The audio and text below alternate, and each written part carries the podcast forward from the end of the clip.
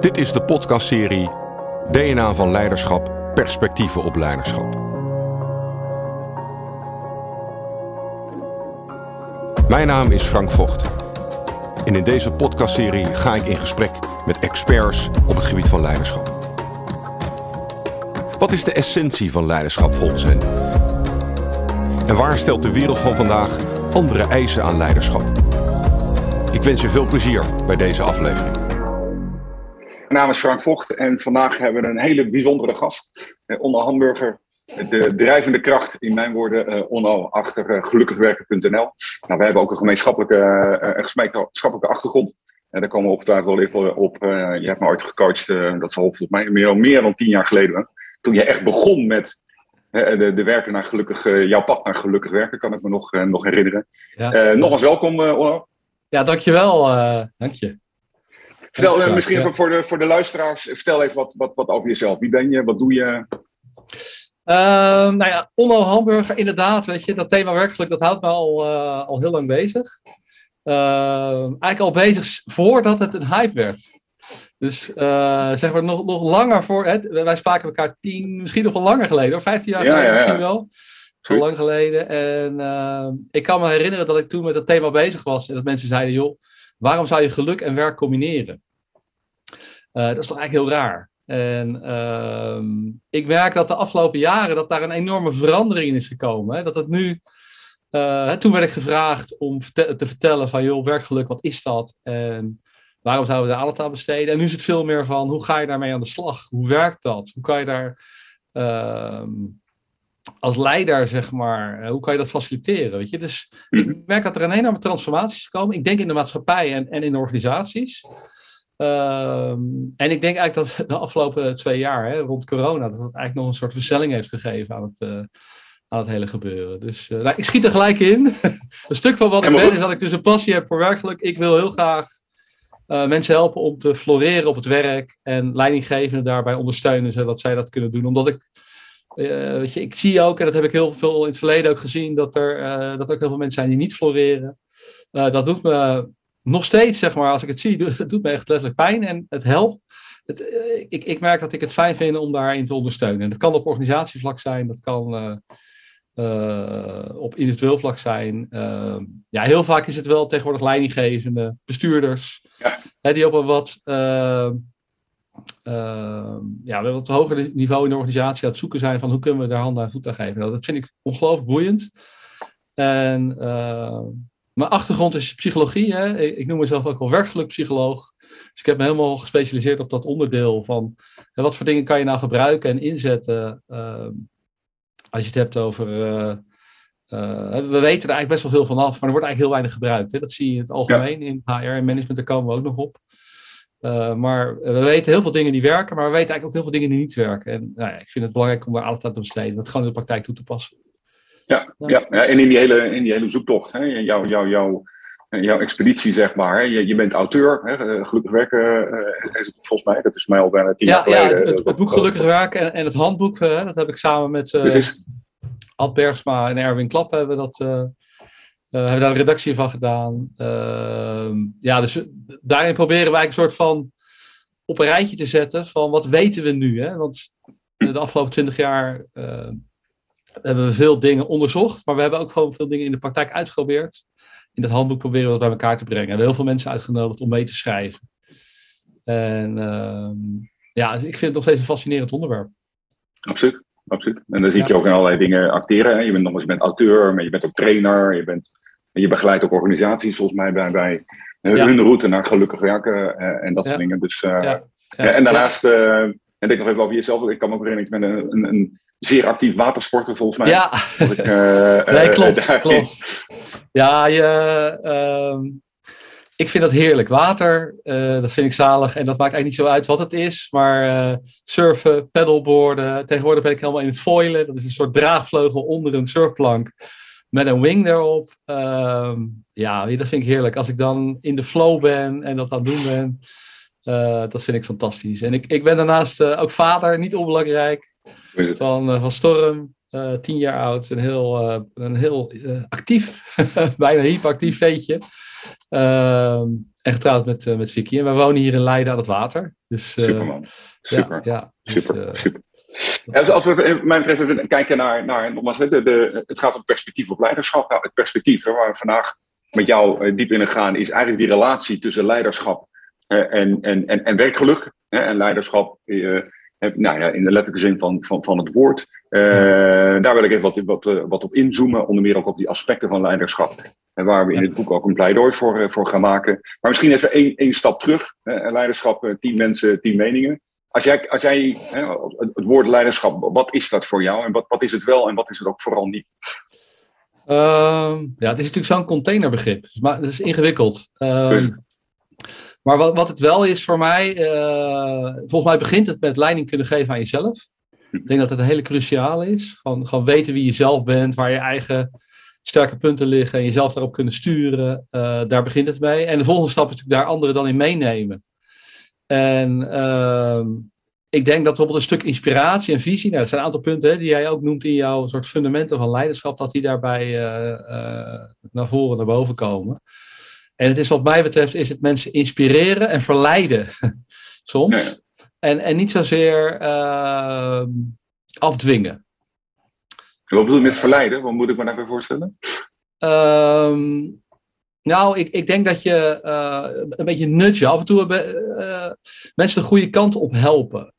Soms is dat gewoon door uh, doordat je gewoon ervaring hebt, heb je af en toe, weet je gewoon bepaalde dingen die werken wel en bepaalde dingen werken niet. En volgens mij moet je, moet je daar ook als leider, moet je dat, delen en die visie uh, uh, daar mensen in meenemen.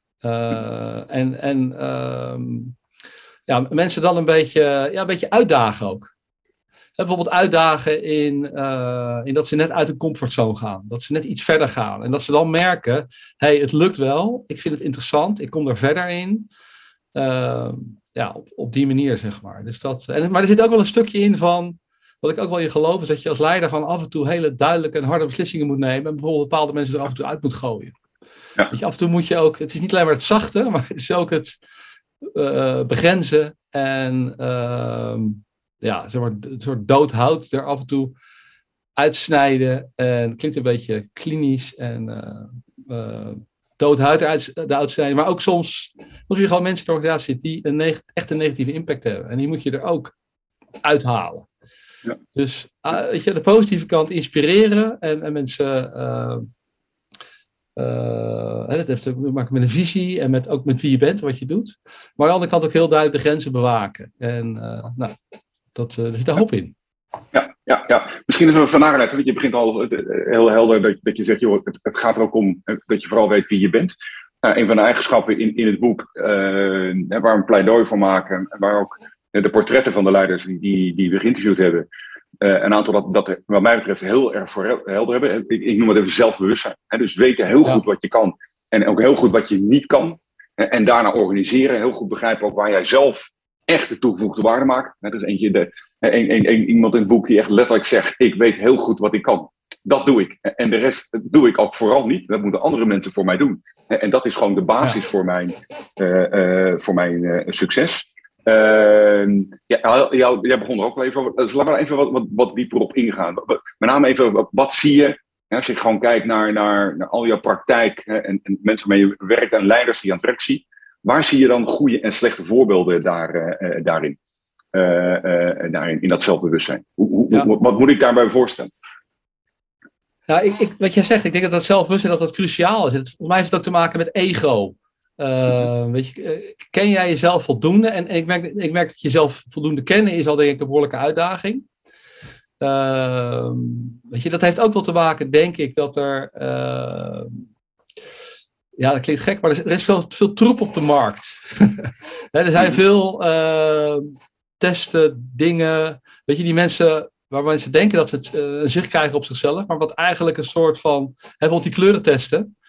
Uh, die nu ook ontzettend populair zijn. ja, daar, ben je, daar ben je geen fan van. Nee, daar ben ik geen fan van. En dat is, nee, waarom niet? Waarom niet? Waarom? nou, een aantal redenen. Maar e-, één daarvan is dat ze, als je gaat kijken van. Hè, en dat is een probleem met veel vragenlijsten hoor. Dat je Uh, als je een, een soort van algemene positieve beschrijving aan mensen teruggeeft. Hè, en ik heb dat recent hè, in mijn nieuwsbrief gedaan met uh, een voorbeeld daarvan wat ik uit Egypte haalde. Dat waren een soort van, hè, als je een naam terugbrengt naar een aantal letters.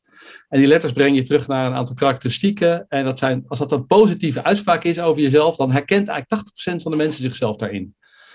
Uh, en dat zie je eigenlijk bij heel veel. Dat zie je ook bij astrologie en bij. Maar dat zeggen, dat klinkt als een horoscoop. Ja, klinkt het, ja. Uh, ja. dat, zie je, dat, zie je, hè, dat zie je bij de horoscoop, maar dat zie je ook bij de DISC, hè, bij, bij MBTI, bij dat soort kleurentesten. Mm -hmm. Mensen herkennen zich erin, het is over het algemeen positief. Um, maar als je echt gaat onderzoeken, is het nou, zegt het ook daadwerkelijk iets over die persoon? Hè? Bijvoorbeeld, het gaat over creativiteit. Is die persoon ook daadwerkelijk creatief? Dan zie je eigenlijk dat je dat niet terugvindt. Uh, dus dat één probleem is dat het zeg maar niet valide is. Uh, een, een, tweede probleem is met die kleurtjes is dat mensen de neiging hebben om uh, elkaar in hokjes te stoppen. Hè? Van jij bent blauw, jij bent groen, jij bent rood. Uh, en dan gaan mensen zich ook zo daadwerkelijk gedragen. Dus je hebt, is, dat, is dat wat je ziet? Ja, dat is wat je ziet. Ja? Dat is ook trouwens bij astrologie. Hoor. Als mensen denken dat, ze bijvoorbeeld, hè, dat een tweeling bijvoorbeeld heel communicatief is. Hm. En ze geloven in, in astrologie, dan hebben ze zelf de neiging om zich communicatiever te gaan opstellen. Dus dat heb je met die categorieën, ook met die kleuren, dat mensen daadwerkelijk dat gedrag gaan vertonen. Nou, dat is. De, categorieën kloppen al niet. Mensen gaan zich naar gedragen. Dus in hokjes stoppen. Het zijn eigenlijk allemaal dingen die je niet wil. Maar dat is wel iets wat. Um, mensen vinden dat prettig. dat vind ik ook zelf prettig. Het is makkelijk om. Die is dit, die is dat. Typologieën, kleuren vinden mensen prettig. De realiteit, als je kijkt naar, uh, naar onderzoek naar persoonlijkheid, dan, zie, dan kan je die typologie eigenlijk niet terugvinden. Uh, maar we weten, hè, als je kijkt naar die persoonlijkheid, bijvoorbeeld, hè, uh, ik ben een fan van uh, iets wat eigenlijk de standaard is in de psychologie, dat is de Big Five. Hè, dat zijn eigenlijk vijf dimensies en niet zozeer typologieën. en dat maakt, in, in, die zin maakt dat iedereen ook uniek, hè, die, die vijf dimensies. dat is genuanceerder, het is complexer, maar als je dat weet van jezelf, als je bijvoorbeeld als leidinggevende dat van jezelf weet, dan geeft dat zo'n ontzettend inzicht dat is wat dat betreft, uh, ja, het is ontzettend boeiend als leidinggevende om dat over jezelf te weten. Maar nog boeiender als je dat ook van, je, uh, van de mensen in je, in, je, in je managementteam of in je team kent. Want dan weet je ook uh, waar je overeenkomt en waar je verschilt. Ik heb dat zelf als leidinggevende gehad, bijvoorbeeld. Hè, ik scoor zelf heel hoog op ambitie. Dat is een van de subonderdelen van uh, van de Big Five. En ik had twee uh, mensen in mijn team die daar heel laag op scoren. Nou, dan weet je van tevoren al dat je gewoon ontzettend anders bent. En daar moet je over met elkaar, met elkaar in gesprek van, joh, hè, ik word bijvoorbeeld, uh, ik vind het belangrijk om doelstellingen te hebben en dat geeft me heel veel energie om me daarop te richten, et cetera. Nou, bij hun werkt dat heel anders. En ja. ik kon al van tevoren voorspellen dat dat daar Weet je, dat daar uh, miscommunicatie zou gaan. Dat dat, weet je, dus daar gingen we het over hebben. Van wat, wat, ik probeerde zeg maar, hun te snappen van wat is nou hetgene wat, wat jou dan drijft. Hè, hoe dat werkt, hoe dat zit. Uh, nou, en die Big Five geeft dat dus een hele, dat is een schets die heel reëel is. Ook een van de weinigen die echt voorspelt. En ook de enige die echt gebruikt wordt bij assistants bijvoorbeeld. Dus ik zou zeggen, als uh, leidinggevende, gebruik dat. En gebruik dat om je, hè, we hebben het over zelfkennis, maar gebruik dat ook om je team te leren kennen, om anderen te leren kennen. Dat geeft je zo'n enorme voorsprong. En dan kan je anderen veel meer helpen en ondersteunen.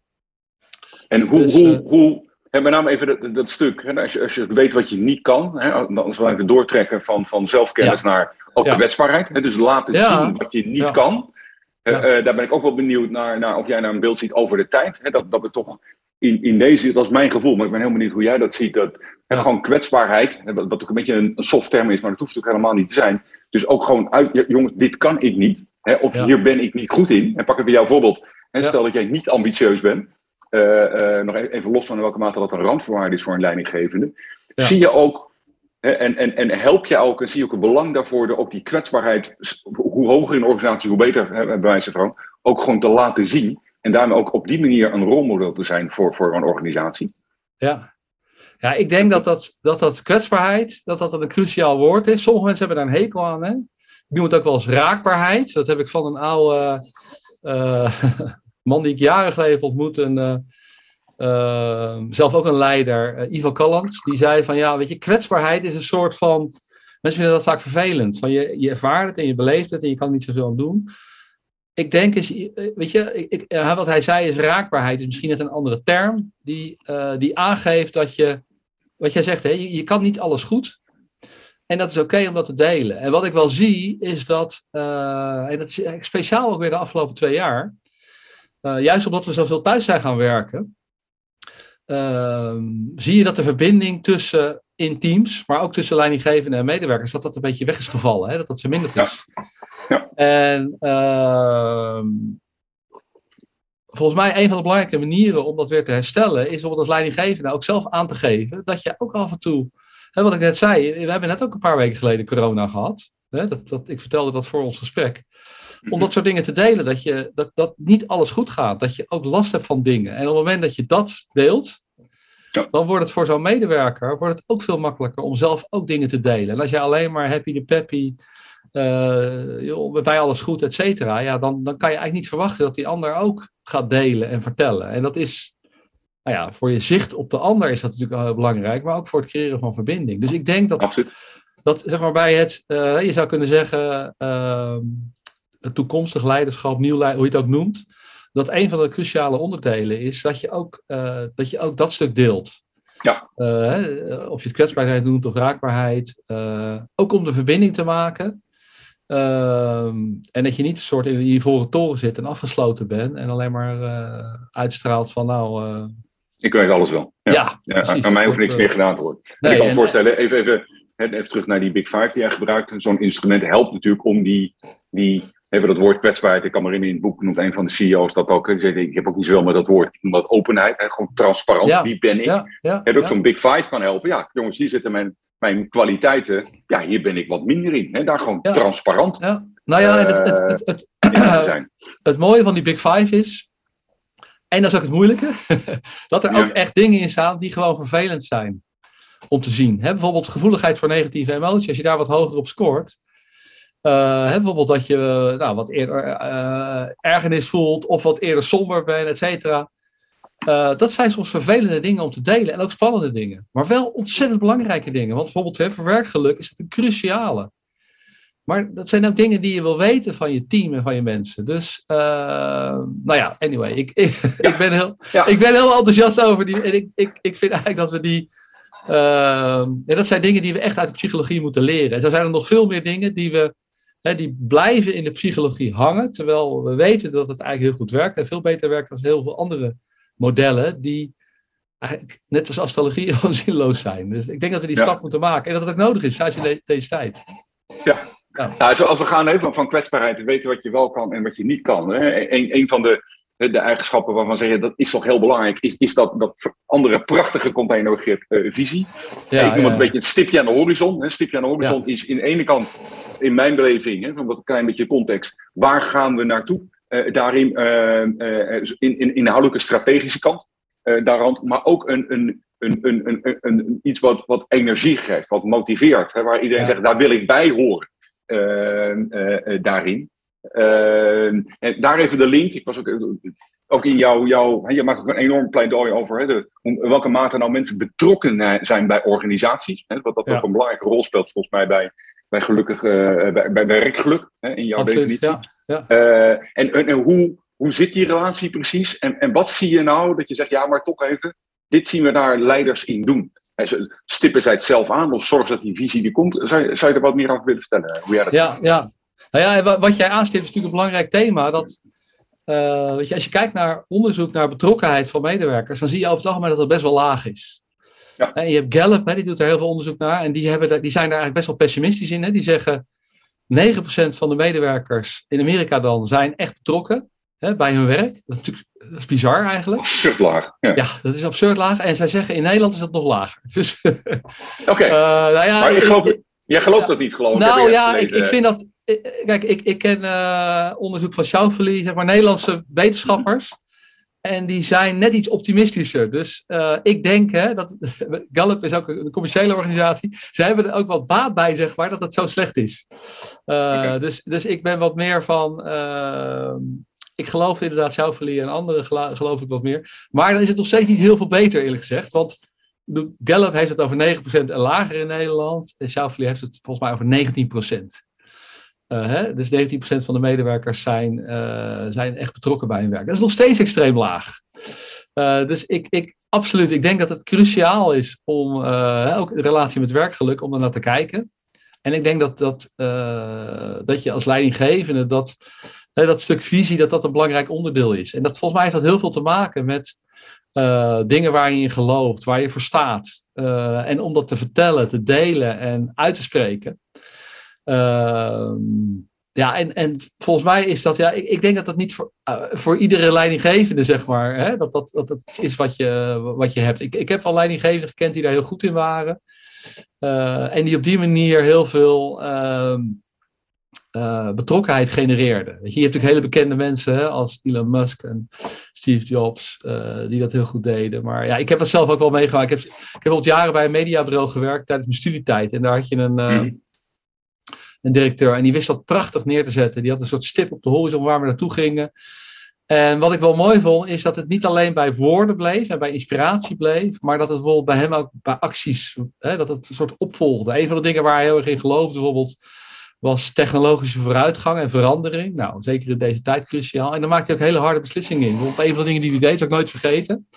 Dus wij gaven presentaties bij klanten en dat deden we toen nog uh, met papier. Gewoon zeg maar, dan maakten we uh, op flip-overs en dat soort dingen. En dat was uh, een tijd geleden, maar toen kwam mm -hmm. PowerPoint op. ja, ja. me voor te stellen. Tijd geleden. Een van de, ja. van, een van de eerste dingen die hij zei is: zo, we kochten dan een, een Beamer. Um, ik kan me herinneren, dat volgens mij was dat, weet ik wat. Dat ding was 15.000 gulden in die tijd nog. En hij zei gewoon: oké, okay, vanaf nu af aan gaan we alleen nog maar presenteren met deze Beamer. Dus hij dwong iedereen in de organisatie om, die om mee te gaan met die technologische verandering. Dus aan de ene kant wist hij mensen enorm te inspireren met dat waar we naartoe gaan, hè, de nieuwe technologische verandering, digitalisering. Maar hij nam ook dat soort beslissingen en hij was zelf daar een voorbeeld in. Hij had gewoon dat hele weekend was hij mee bezig geweest en de eerste presentatie die hij gaf was gewoon met PowerPoint en dan liet hij allemaal dingen in zien. Dat deed hij fantastisch met, nou, in die tijd vonden we dat geniaal, hè, met vuurwerk en dingen, dat soort dingen. Nu is dat helemaal normaal. Uh, maar hij was daar dus ook zelf een, uh, een voorbeeld in. En uh, nou, dat is een voorbeeld, Hans Schemraat, een, een oude directeur, die in die zin een visie had, maar hetzelfde ook leefde. En ook ja, de organisatie echt in beweging wist te brengen. Ik, nou, dat is iets wat mij altijd bij is gebleven. Ik denk dat dat een belangrijke is. Dat je, dat je, mensen merken dat ook, voelen dat ook op het moment dat je geïnspireerd bent en een kant op wil gaan. Dat heb je natuurlijk ook als trainer en als coach. Maar als leidinggevende is dat ook heel belangrijk. Ja, en zie je dat ook dan, dan in, in hè, dus de, succesvolle leiders of de organisatie die daar eigenlijk nog net wat beter doen dan, dan, dan de concurrenten in de markt, of, hoe we dat ook definiëren, dat ook die, die, die leiders die hier goed in zijn, dat ook voor een groot gedeelte toch zelf kunnen. Hoeven, we hoeven natuurlijk niet allemaal de, de Steve Jobs en Elon Musk van deze wereld te worden, maar dat zij wel zelf, eh, zelf dat strategische proces en die keuzes echt gewoon zelf uitwerken. En inderdaad gewoon de, de, de, bijna de verpersoonlijking worden van jongens, hier, gaat, hier gaan we naartoe. Ja, ik, ik, ik, geloof er dus niet. Dat stuk kan je volgens mij namelijk niet delegeren. Nee, nee. Dat moet je zelf. ja, ja. Uh, weet je, dat, dat is denk ik met. Uh, je hebt natuurlijk zo'n tijd gehad dat, je als leid, dat, dat ze zeiden van je kan leidinggevende, prima leidinggevende zijn zonder kennis te hebben van de inhoud. Ja, nou, daar geloof je ik, in. Ja, ik, ik zie dat de plekken waar ik kom, waar succesvolle leidinggevenden zijn, die hebben ook kennis van de inhoud. En, hebben, weet je, en worden daardoor gerespecteerd door de professionals in de organisatie. Ja. Uh, dus dat zie ik, uh, weet je, en, en, en die professionals, die moet je vooral niet hiërarchisch aansturen, maar die moet je vooral inspireren. En een van de dingen waardoor je dat doet, is dat je gewoon weet waar je het over hebt. Dus dat, ja, ja ik, ik denk dat dat, dat, dat is volgens mij een stuk wat je niet kan delegeren. En je kan wel ja. Uh, misschien onderdelen daarvan, en je hoeft niet dan iedereen PowerPoint-presentaties te gaan, uh, gaan leren of dat soort dingen. Maar ja, weet je, uh, dat is eigenlijk net als met. Ik, ik, moet denken aan een voorbeeld, hè? als je het hebt over. Als je kinderen. een beetje een gek voorbeeld hoor, maar als je, als je kinderen wil inspireren om te lezen, dan zou je kunnen zeggen van, nou, we gaan elke week of elke, elke dag gaan we uit een boek voorlezen. Hè? Dat, uh, dan gaan ze vanzelf geïnspireerd worden. Nou, we weten dat werkt niet. Het enige wat werkt, is als jij als ouder zelf lezen leuk vindt. Dat is, heeft eigenlijk de enige positieve impact. En uiteindelijk het resultaat of jouw kind wel of niet geïnspireerd is om te gaan lezen. Dus zeg maar je eigen houding. Ja, ja. Uh, je eigen inspiratie naar dat thema, nu gaat het over lezen, uh, dat heeft de echte impact. En niet of jij dan allemaal dingen op gaat zetten of uitrollen of weet ik veel wat. Mensen voelen dat aan dat dat niet echt is. En, uh, ja. ja. dus je moet echt en zo zie je dus ook bij, bij, bij, bij nou ja, de visie hebben of het stipje kunnen schetsen. Jij moet ja. die, die dat, dat, je A moet je weten uiteraard waar het over gaat, maar je moet het ook belichamen, als ik jou zo hoor. En ja, ook, ja. ook het voorbeeldgedrag. En echt in geloof ook. Ja. Dat, dat mensen echt aanvoelen van ja, weet je, dit is echt iets waar iemand voor staat. En waar die uh, passie voor heeft. En uh, ja, weet je, dan komen mensen in beweging. Dat, ja. Uh, ja. ja. Als we daar, dus we springen er een beetje crisscross door de, door, de, door de eigenschappen heen. een van de dingen die, die, die verderop, met, met je gedeelte verderop heb gezegd, is dat, ik noem het even context. Uh, ik ben, heel benieuwd, hè, als, je, als je eenmaal hè, vanuitgaande dat, dat, dat, dat, hè, dat stipje in die visie er is en, en een organisatie moet transformeren. En dat is toch bij heel veel organisaties is dat, is dat aan de gang. Of het nou is van de klassieke digitale transformatie naar nieuwe modellen, of het is hele onstuimige groei bij, bij, bij bedrijven die snel groeien, die dan ook naar een volgende levensfase moeten. Het gaat om transformeren uh, daarin. En dat gaat ook vaak om ja, toch de, het bedrijf hè, en voor een deel ook de cultuur veranderen. En dat kan een cultuur zijn van 60 jaar oud, dat kan een cultuur van drie jaar oud zijn uh, daarin. Uh, en even, even een pleidooi is, waar ik in een pleidooi voor, voor maak, is ja, organisaties moet je niet, mensen willen niet veranderd worden. Hè, die zijn helemaal niet tegen verandering, maar ze willen niet veranderd worden. En leiders, die, die schetsen de nieuwe context. Dus hebben in, in wat wij net zeiden, die visie. Jongens, hier gaat het aan toe en hier gaan dus dingen echt anders dan nu. En ga niet zeggen, ja, we hebben nu cultuur A, we gaan naar cultuur B. En dan gaan we eens even stap voor stap doen. Jullie doen ook vrij veel, hè, waar ik even getriggerd was toen, toen ik aan, aan, het lezen was hiervoor. Jullie doen ook vrij veel begeleide organisaties. Hè, een soort, ik kan me voorstellen, een soort programmatische organisatie. Dat is natuurlijk ook een transformatie. Hè, hoe krijgen we nou gelukkig werken daarin? Hoe, hoe zie jij dat daarin? En, en, wat is nou de, ook met name even de rol van de leider? Wat doet hij, hij of zij daar voorin wel? En wat ook vooral juist niet? Hè? Waar, waar gaat hij gaat die bij op zijn handen zitten? En wellicht niet te veel doen. Kan je daar, kan, zou je er wat ja, over willen Ja, ja, dat is een mooie, mooie vraag. uh, nou, wat jij letterlijk zegt, hè, wat ik zie is, als je probeert uit te gaan rollen, zeg maar. hè, dat, dat, ik, ik merk dat dat heel, dat heel veel weerstand genereert. Hè. Specifiek over werkgeluk, als we Oké, we gaan nu met z'n allen met werkgeluk aan de slag. En uh, bijvoorbeeld, je gaat allemaal trainingen voor leidinggevenden organiseren en voor medewerkers. En mensen moeten daaraan meedoen ik merk dat mensen al heel veel zitten van oké, okay, daar gaan we weer. En, en, en, ook van, oh, dan gaan we weer, we hebben nu dit gehad, we hebben eerst agile werken, dan dat, en dan krijgen we weer het volgende, zeg maar. Uh, ik zie dat dat vaak niet werkt. Uh, wat ik wel zie werken is, uh, en, en dat is ook iets van de afgelopen twintig jaar organisaties waarbij ik echt heb gezien dat het zich heeft verspreid in de organisatie en, en, en een soort duurzaam uh, heeft verspreid is um, door bijvoorbeeld, hè, een van de dingen die we al doen, is een, een, een presentatie geven. En dan heb je daar, naar aanleiding daarvan, een presentatie over werkgeluk, heb je altijd een deel die geïnspireerd is. Je denkt, hé, hey, dat is leuk, dat is boeiend. En om met die groep enthousiastelingen aan de slag te gaan. En zij worden dan als het ware een soort van ja, soort virusverspreiders. Ambassadeurs, werkelijk ambassadeurs. En daarmee te gaan werken. Uh, en hun dan faciliteren, zodat zij dat verder kunnen brengen in het team ik, ik leid ze soms ook wel op als ze, hè, als ze dat willen, als ze de vaardigheden hebben tot werkelijk coach.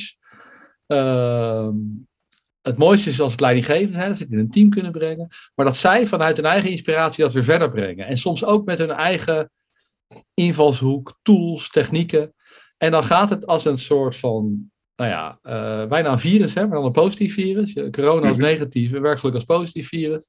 Door de, door de organisatie heen. En dan blijft dat ook veel meer hangen omdat, ze, nou ja, weet je, de, de, mensen die dat gaan doen, die doen het echt vanuit hun eigen waarde en uit hun eigen geloof. En uh, zij passen het dan ook aan, hè? je noemde eerder context, zij passen het ook aan aan de context. En kijk, voor de ene is bijvoorbeeld een, een pubquiz helpt bij het werkgeluk, terwijl de andere, die moeten lekker een sessie op de hei gaan doen. Nou ja, mensen zijn zo verschillend, de organisatie is zo verschillend. Je moet het aanpassen aan de context. En er is niemand die dat beter kan doen dan de mensen die er al in zitten. Ja, ja. Uh, en als leidinggevende moet je aan de ene kant uh, die mensen opzoeken, verzamelen en stimuleren. Maar hun eigen, uh, weet je, ze ook zelf de ruimte geven om zelf hun eigen successen te kunnen creëren. En in die zin niet te veel in de weg te gaan zitten door, doordat jij alleen maar degene wordt die het verhaal vertelt.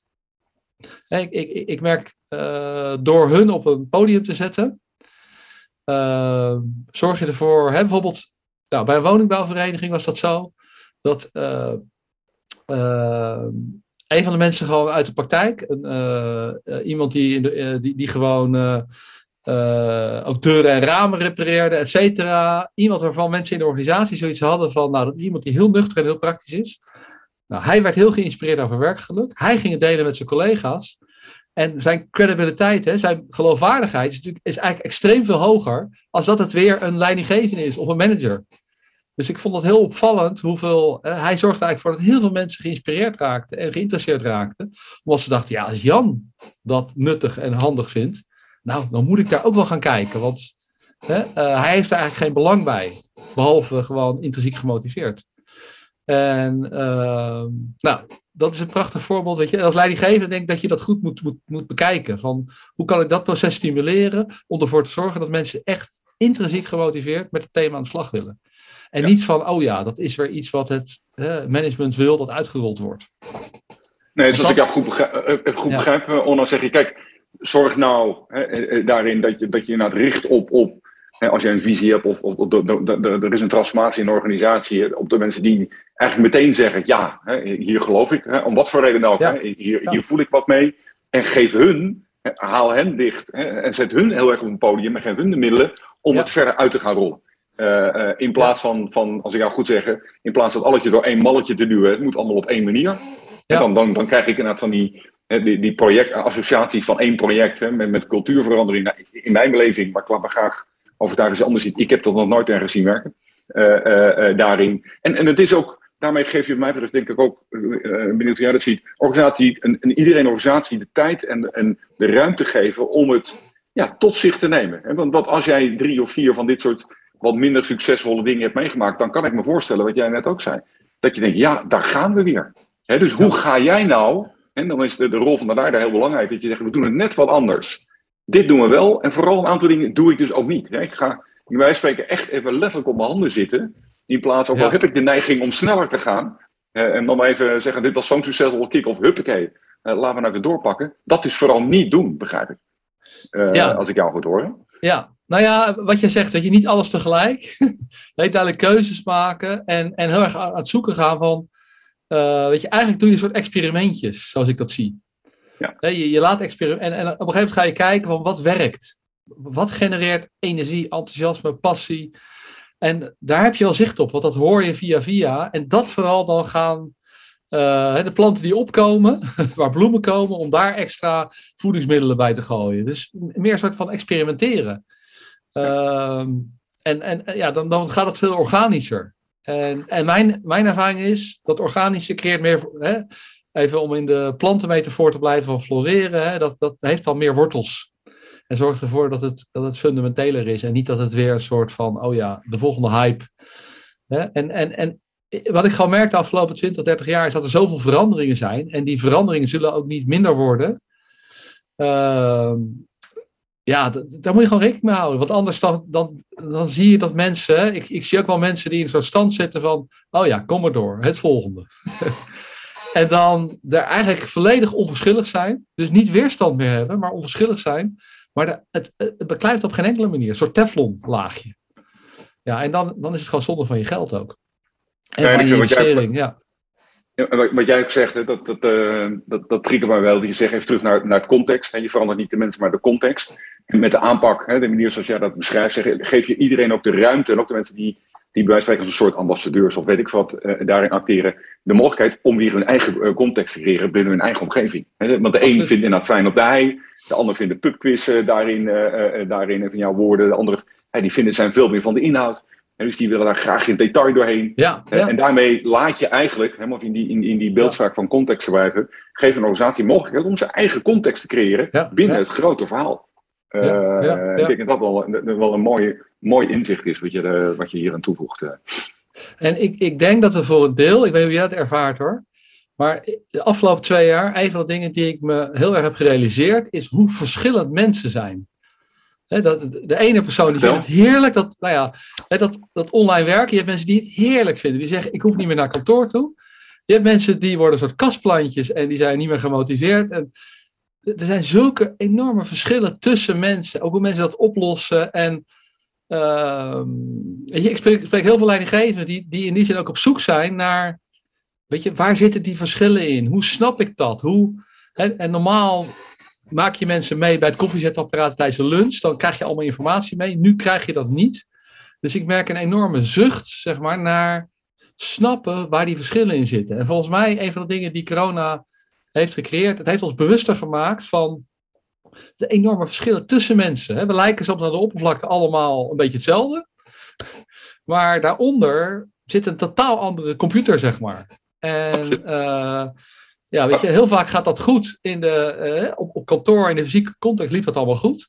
Maar nu gaan bepaalde dingen niet goed of wel goed. Of weet je, gaan in ieder geval anders. En we, we worden meer gedwongen, zeg maar, om de verschillen te zien. Ik noem het ook wel neurodiversiteit, weet je. Om, ehm, en dat heeft niet zozeer te maken. Het heeft te maken met cultuur en met vrouw-man en al die andere dingen die spelen. Maar daaronder, qua persoonlijkheid, zijn die verschillen eigenlijk nog veel groter. Hè. Er zijn veel grotere verschillen in persoonlijkheid tussen mensen dan bijvoorbeeld het verschil tussen man en vrouw of culturele verschillen. Dat, dat, dat vergeten we wel eens en dat is onzichtbaar, maar dat is.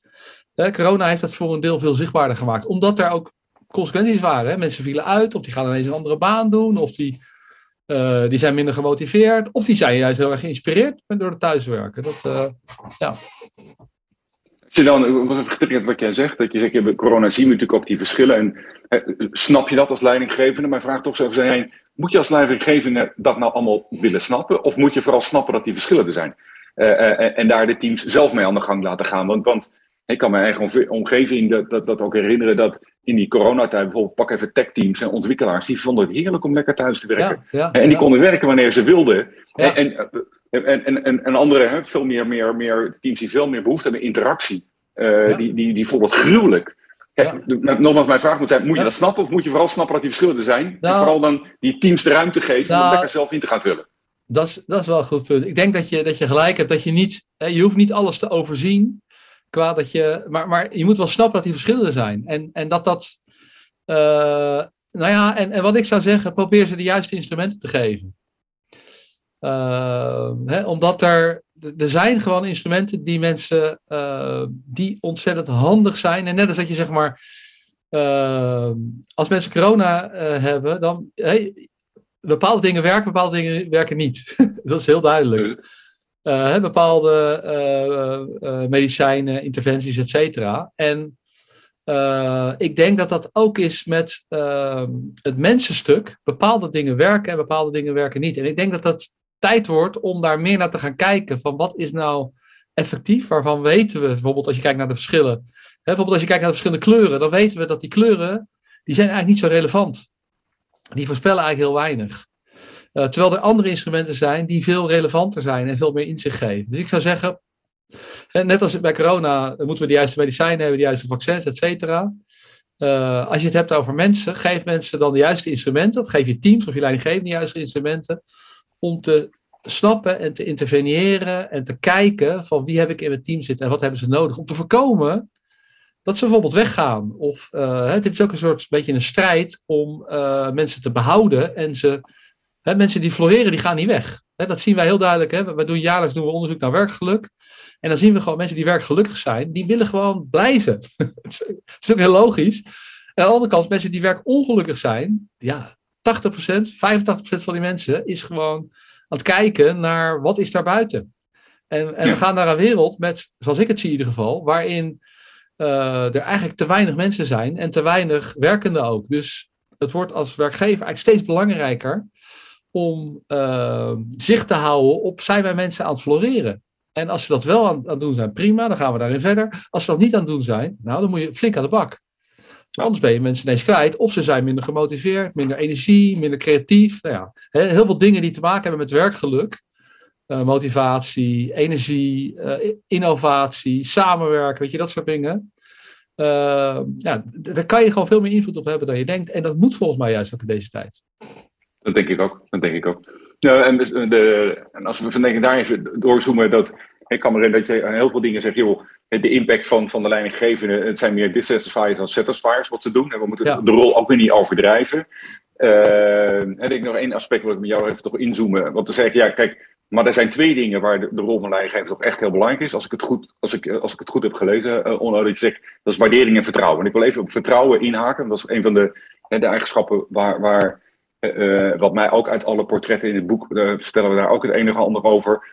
De, de, hoeveel vertrouwen geeft een organisatie? Jongens, jullie kunnen dit en geef ook de ruimte. En dan echt oprecht vertrouwen. Hè? Niet, ik geloof wel met de eerste beste wat ze misdoen, dan, dan grijp, je, grijp je in. Zou je wat meer op, op dat vertrouwen in willen zoomen? En met name waarom je toch ook ziet, hè, eh, als, ik het, als ik goed begrijp nogmaals, dat dat, echt, dat is nou echt een satisfier. Uh, uh, als je dat goed doet als leidinggever, heeft dat een, een bijdrage tot werkgeluk. Is dat zo en, zou je er wat meer over willen vertellen? Ja, nou ja, wat je zegt inderdaad, vertrouwen, dat is een hele belangrijke en, en waardering. Weet je, een van de dingen die, die ik wel zie, ik weet dat zelf merk hoor, dat merkte ik ook wel zelf als leidinggevende, is uh, bepaalde mensen, die, daar vind je het heel makkelijk om dingen los te laten. Terwijl anderen, denk je, wat zijn die aan het doen?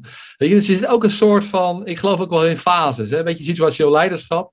Dat je mensen, uh, in het begin moet je ze heel duidelijk aangeven wat ze moeten doen. Maar dan moet je daarna wel de ruimte geven om ze, uh, om echt op een eigen manier te laten doen. En ze het zelf te laten uitzoeken op een positieve manier. Hè? Dat je wel, als ze ergens tegenaan lopen, dat je ze dan uh, de ruimte geeft om aan de bel te trekken. Um, maar wat je eigenlijk ziet is dat, uh, als je kijkt naar de afgelopen 20, 30 jaar, dat die autonomie, mensen minder autonomie zijn gaan ervaren. Minder? minder, ja. Ja, uh, bizar genoeg. En dat heeft volgens mij heel veel te maken met bepaalde regels. Hè, die we, dat zie je bijvoorbeeld, ik zie dat ook bijvoorbeeld in de zorg. Hè, regels, administratieve dingen, waardoor mensen steeds meer het gevoel hebben dat ze gecontroleerd worden. En dat dat een soort van. Als ik met, hun, met hun praat, met die teams praat, maar ook met die, met die leidinggevende praat, dan zijn ze er allemaal van overtuigd dat dat controleren om het controleren is, dat het eigenlijk niet zo nuttig is. Dat is een soort vinkjesmanagement. Uh, dus ik denk dat het als leider, als leider, als leiderschap, uh, als leidinggevende belangrijk is om te gaan kijken van hoe kunnen we dat stuk, hè, in je daar invloed op hebt, hoe kunnen we dat verder verminderen? Hoe kunnen we die vinkjes zo sterk verminderen? Dat mensen gewoon meer hun eigen professionele autonomie kunnen pakken. Uh, en, en een van de mooie dingen van corona vond ik weer, dat, uh, ook in de zorg weer, dat uh, doordat er zoveel druk op kwam, uh, moesten mensen het even zelf gaan regelen. En ineens viel het hele vinkjesmanagement weg.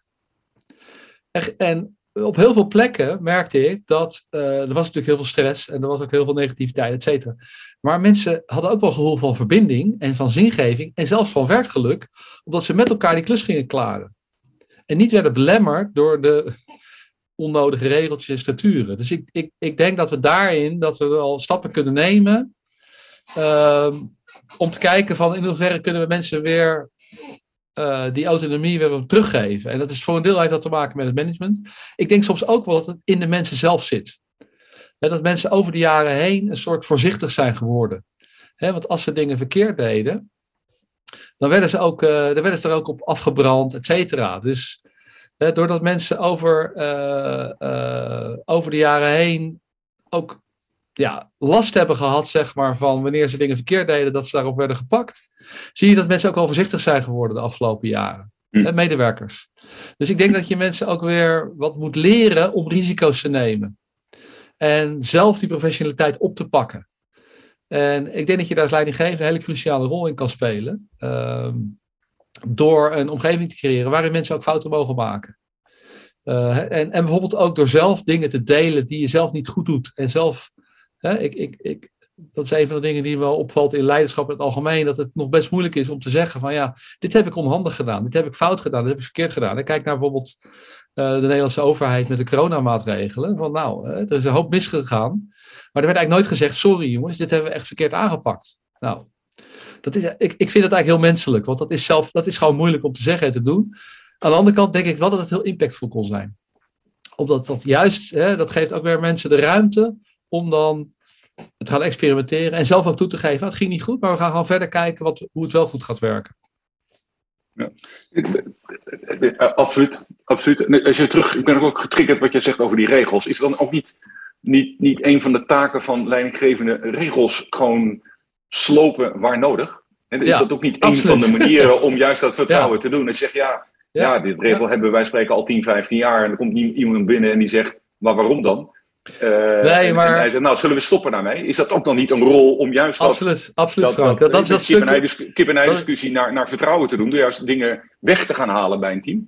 Absoluut. En uit, uit, die, uit, die, uit die dwangbuis waar wij een organisatie of een afdeling te halen? Ik, ik denk dat dat een van de rollen is die misschien niet zo leuk is en niet zo daar word je niet om uh, voor geapplaudisseerd, et cetera. Maar wat wel uiteindelijk heel veel impact kan hebben. Uh, helemaal met je eens. Het, zeg maar de belemmerende dingen. Ik had het eerder over doorhoud. dat kunnen regels zijn. Dat kunnen soms ook mensen zijn. dat kan in, die zin van alles zijn. Maar dat weg te kappen, weg te halen. En om, om bij die, die, die metafoor van het floreren terug te, terug te komen. Als je het wegkapt, die regels, soms ook mensen, bepaalde structuren, dan gaat het vanzelf weer bloeien in die zin. Dus helemaal met je eens. Dat is denk ik een hele belangrijke uh, verantwoordelijkheid. Die soms wel eens op de achtergrond komt, omdat dat eigenlijk niet zo leuk werk is. Maar wel heel belangrijk. Ja, wel, ja, ja, absoluut. Ja, ja. Het is ja. pijnlijk, vervelend, maar de impact kan enorm zijn. Hè? Ik weet niet dat. Eh, die ervaring heb je waarschijnlijk ook zelf. Soms heb je mensen in een team het moment dat die persoon weggaat, wegvalt of eruit wordt gezet, et cetera, dan zie je ineens zo'n heel team zie je tot rust komen. En nou, dat is ook iets waar je invloed op kan hebben, juist als leidinggevende. En dat is niet het leukste werk. Hè? Mensen eruit gooien. Of, maar het heeft, kan wel een enorme positieve impact hebben. Ja, ja doorhoud is, is, is natuurlijk niet echt de meest fijne associatie, maar, maar ik denk het wel vrij helder. Nee, maar ik denk het wel vrij helder. Het laatste in, dit verhaal duidelijk gemaakt wat je daarmee bedoelt. En, en, wat, ik wat, ik toch in alle eerlijkheid wel gewoon de, de, de rol van een leidinggever is. En dat klinkt inderdaad niet sexy, maar is wel om door, door net, die, net die paar dingen te doen die een teamorganisatie tegenhouden. Zorgt dat dan, en daarna gewoon de organisatie gewoon, die komt dan vanzelf tot bloei. En dan is eigenlijk bij spreken 80% van je werk gedaan. Absoluut. Dat is dat stuk over satisfiers, dissatisfiers. Als je dat niet doet, dan zie je eigenlijk dat organisaties, dat mensen, dat teams daar last van hebben. Dus dat is iets wat, uh, nou ja, dat geven mensen ook aan. En zeker als je als leidinggevende mensen belemmert of de autonomie belemmert, hè, dan hebben mensen daar last van. Dus je moet eigenlijk een beetje uit de weg gaan.